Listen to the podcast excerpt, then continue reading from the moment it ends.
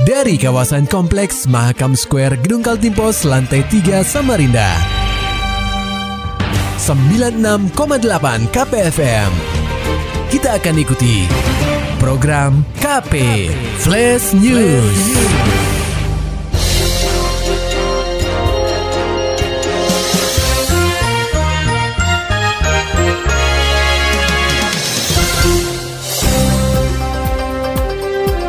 Anda sedang menyimak program KP Flash News bersama saya Agung Pratama. Berita utama. Polresta Samarinda mulai memperketat pengamanan di gereja-gereja dalam rangka pelaksanaan perayaan Paskah bagi umat Kristiani dan Katolik di kota tepian. Hal tersebut dilakukan sebagai langkah antisipasi aksi teror seperti yang terjadi pada Minggu 28 Maret 2021 lalu di salah satu gereja di Makassar, Sulawesi Selatan.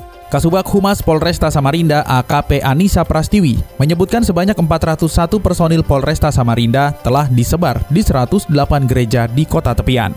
Selain personil Polresta Samarinda, Anissa menuturkan bahwa 20 personil detasemen Gegana Brimob Polda Kaltim juga siap diturunkan untuk mengamankan 6 titik gereja besar di Samarinda saat ibadah Paskah pada Minggu 4 April 2021 nanti. Enam titik tersebut adalah Gereja Katedral Santa Maria Penolong Abadi di Kecamatan Samarinda Kota, Gereja Oikumene di Kecamatan Loajanan Ilir, Gereja Santo Lukas, Gereja GBI Kelir dan Gereja HKBP Merak, serta Gereja HKBP Sentosa di Kecamatan Sungai Pinang.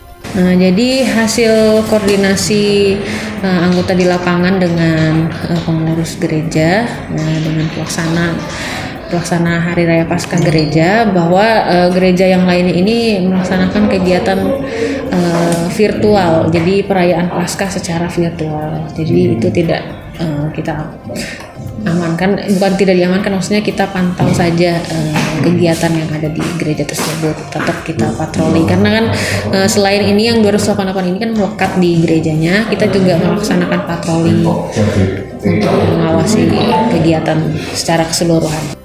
Perwira Balok 3 ini menjelaskan saat bertugas melakukan pengamanan, setiap personil wajib berkoordinasi dengan pihak gereja untuk mempertanyakan jadwal ibadah serta perkiraan jemaat yang akan hadir.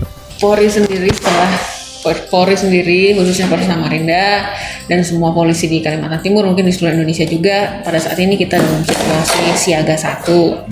Nah untuk situasi Samarinda eh, kita menjamin untuk keamanan hmm, yang ada di wilayah Kota Samarinda eh, dengan kiat dengan segala kegiatan yang kita lakukan untuk tetap menjaga situasi ini secara kondusif. Eh, jadi kepada masyarakat Kota sama wilayah Samarinda eh, silahkan melaksanakan kegiatan ibadah dengan hikmat.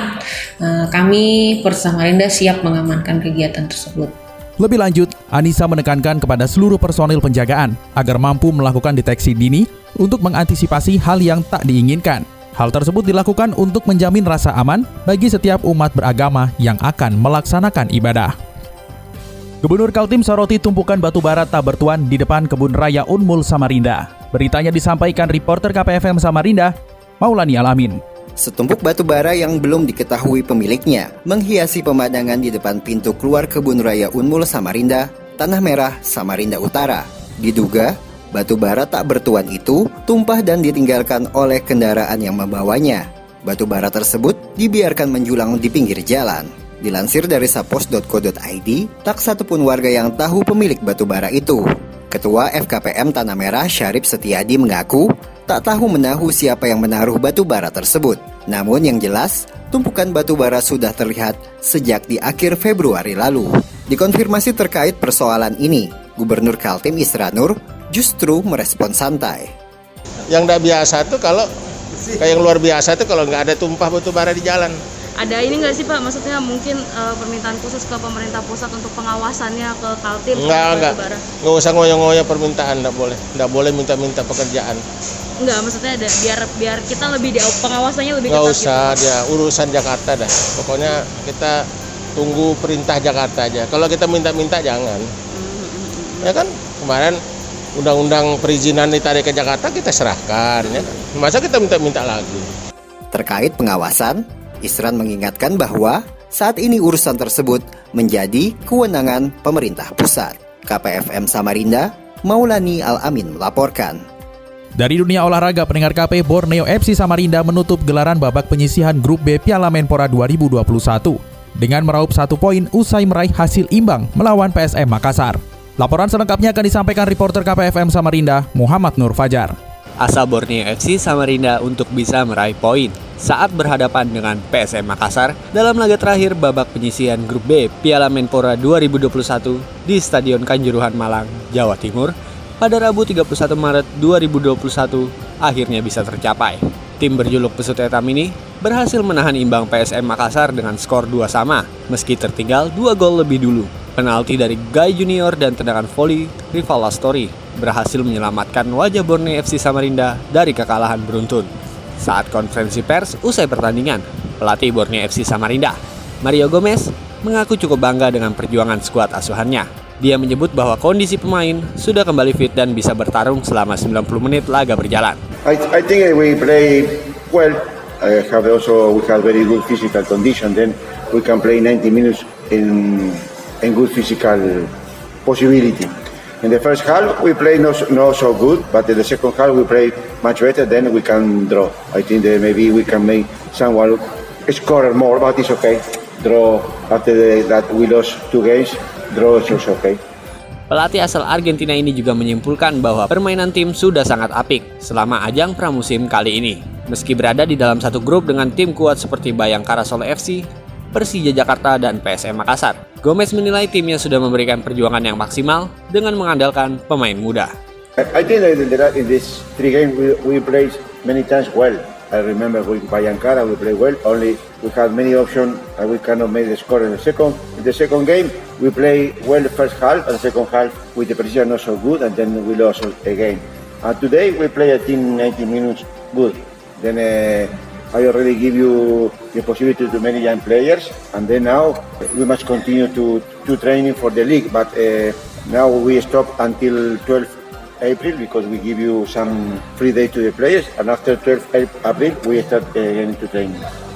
Usai dipastikan gugur, manajemen Borneo FC Samarinda akan meliburkan pemain selama beberapa pekan. Setelah itu, para pemain akan dikumpulkan kembali dan berlatih lebih keras untuk persiapan kompetisi selanjutnya. KPFM Samarinda, Muhammad Nur Fajar melaporkan.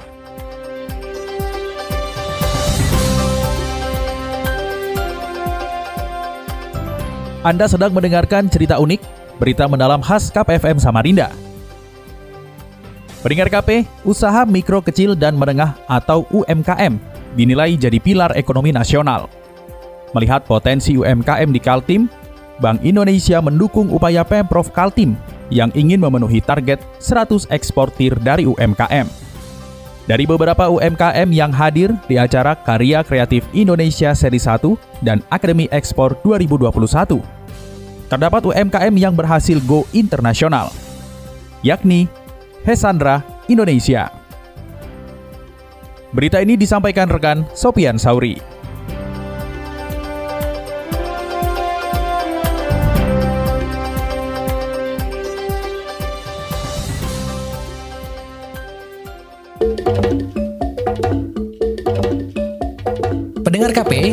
Sejak tahun 2008, Fanti Nurvita telah merintis usaha di bidang kerajinan khas Provinsi Kaltim. Usaha mikro kecil dan menengah atau UMKM yang didirikannya itu bernama Hesandra Indonesia. Produk-produk yang dijajakannya meliputi kain batik, baju, tas, hingga masker. Kemudian ada pernak-pernik dekorasi rumah seperti kotak tisu dan lilin, taplak meja, sampai sarung bantal.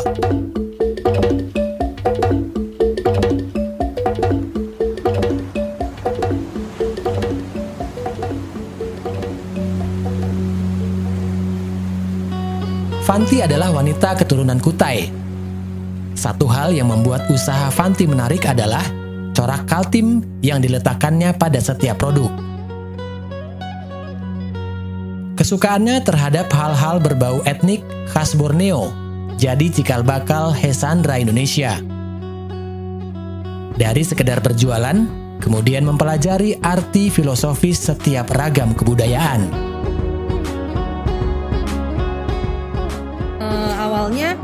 Karena ada keprihatinan ya. Aku pendatang di sini, tapi ibuku Kutai. Aku separuhnya adalah Kutai dari keraton.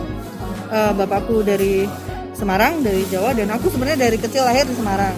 Terus uh, suami kebetulan gitu kan dinas di Kalimantan Timur di Samarinda. Nah, sebagai orang yang baru di sini pasti pengen apa sih yang khas gitu. Kalau enggak ada tamu datang mau dikasih oleh-oleh apa bingung yang kita temukan waktu itu ada di Citaniaga. Fanti bercerita, ide memadukan motif asli Kalimantan dengan pola modern dia temukan di berbagai kesempatan. Bahkan, dia kerap berdiskusi dengan siapa saja, termasuk kepala adat dari suku-suku yang ada di Kaltim. Meski begitu, Fanti mengaku tak punya latar belakang desainer atau penjahit. Dia adalah insinyur teknik perencanaan wilayah kota. Namun semangatnya mengeksplor beraneka tradisi di Kalimantan mendorongnya untuk terus berkarya. Aku belajar sama penjahitku. Gimana cara ngukur titik lengan tuh di mana apa sih belajar sama dia. Yang mendasarnya adalah aku hanya suka etnik. Awalnya itu suka sesuatu yang berbau etnik. Uh, terus habis itu selalu uh, pengen bikin sesuatu yang baru sesuatu yang baru gitu gitu gitu gitu aja awalnya itu. Terus dari dari batin akhirnya ngerti loh Kalimantan Timur tuh luar biasa ya. Motif yang banyak hal yang bisa dianggap sebagai motif. Tidak hanya Dayak saja ada Kutai ada Banjar. Fanti pun melewati bermacam liku-liku dalam memprakarsai Hesandra Indonesia. Dia ingat Gerai pertamanya ditempatkan di dalam rumah di ruang tamu keluarga, lalu menyewa sepetak lapak di sebuah mall, sampai akhirnya dia memberanikan diri membuat outlet yang berlokasi di Jalan Insinyur Juanda.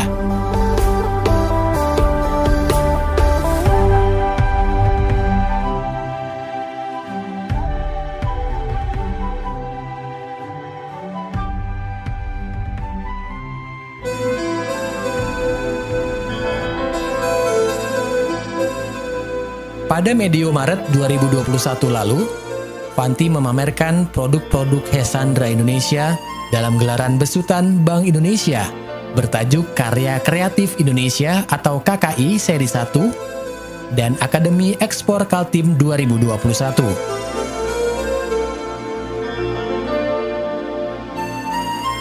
Dalam acara itu, Hesandra Indonesia menawarkan produk andalan mereka – mulai masker yang bernilai Rp30.000 hingga kain batik berkualitas tinggi yang dibanderol sebesar Rp7.500.000. Esandra Indonesia telah menjajal pasar global. Di tahun 2020 lalu, apa yang Fanti inginkan terwujud dengan menampilkan produknya di mata dunia.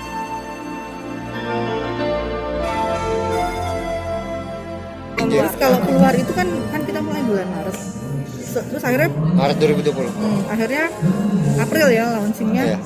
Uh, dan kita termasuk yang pertama di Indonesia untuk bikin masker etnik ya kan dan terus setelah Lebaran itu semakin macam-macam aku bikin setelah Lebaran itu lah dan terakhir bulan apa ya tahun kemarin sih kita ke Jepang itu ke Nagoya sama ke Tokyo ke Amerikanya Atlanta sama Philadelphia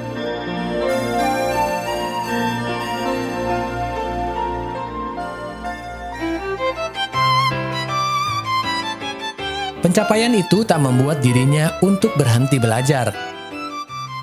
Di kegiatan Akademi Ekspor Kaltim 2021, Fanti berharap dapat mengetahui segala hal tentang mekanisme ekspor, sehingga produk khas Kalimantan yang dijualnya dapat bersaing dengan produk dari negara lain. Dalam Akademi Ekspor 2021 ini, BI Provinsi Kaltim menggandeng Balai Besar Pendidikan dan Pelatihan Ekspor Indonesia. Terdapat 60 UMKM dari berbagai jenis usaha yang mengikuti pendidikan. Akademi Ekspor Kaltim 2021 dibagi dalam dua kelas. Kelas pertama untuk peserta pemula yang membahas prosedur ekspor Dan kelas kedua adalah pelaku UMKM yang sebagian besar telah ikut di kegiatan tahun lalu. Berikut penjelasan Kepala Kantor Perwakilan Bank Indonesia Provinsi Kaltim, Tutuk SH Cahyono. Nanti insya Allah setelah ini kita lihat mana-mana yang memang betul-betul bagus UMKM-nya, kita langsung dampingi programnya setahun penuh. 8 tahap supaya nanti ujungnya adalah memang mereka bisa ekspor perdana, ekspor. Itulah bentuk dukungan kami kepada pemerintah daerah menciptakan UMKM UMKM bisa go ekspor. Akademi Ekspor Kaltim menelurkan sejumlah UMKM go ekspor. Saya kira banyak sekali potensi tinggal bagaimana kita meningkatkan keyakinan diri, percaya kepercayaan diri UMKM, meningkatkan daya saingnya itu yang paling penting ya digital kalau nggak ada daya saing produk nggak bisa jadi kuncinya adalah meningkatkan daya saing produk-produk UMKM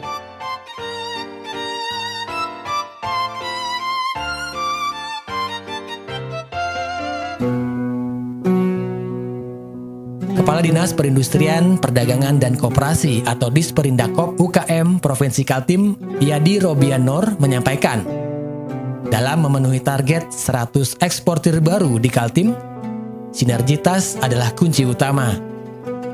Maka dari itu, Pemprov Kaltim menghimbau perbankan dan pelaku UMKM bersatu memulihkan kembali ekonomi benua etam. Kami terus ya mendorong mereka UMKM kita. Kenapa pendekatannya mereka mandiri dulu lah. Kemudian mereka setelah mandiri naik kelas, kemudian pasar kami carikan. Yang bagian penting kerjasama dengan BI ini adalah konkret.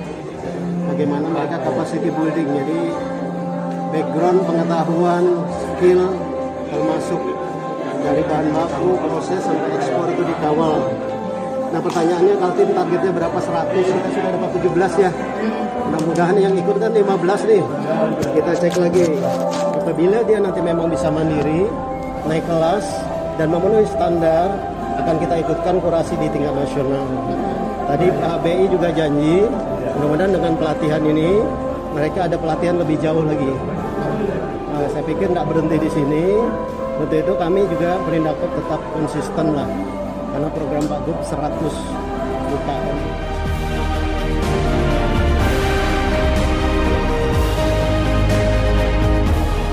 bentuk ikhtiar yang telah dilakukan Pemprov Kaltim dalam meningkatkan kelas UMKM ini adalah membuat perjanjian kerjasama dengan Direktorat Jenderal Perdagangan Dalam Negeri Kementerian Perdagangan serta grup perhotelan Accor. Sekarang, 139 hotel telah menggunakan produk-produk hasil olahan UMKM.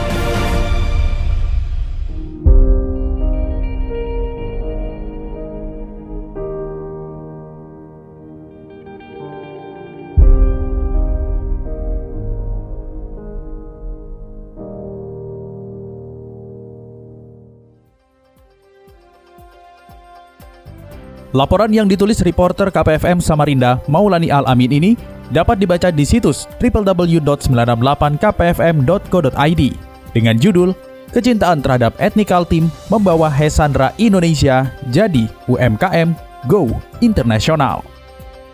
Maulani Alamin, Muhammad Nur Fajar, KPFM Samarinda. Serta dapatkan berita-berita selengkapnya di www.968kpfm.co.id. Demikian tadi telah kita simak rangkaian berita-berita yang terangkum dalam program KP Flash News.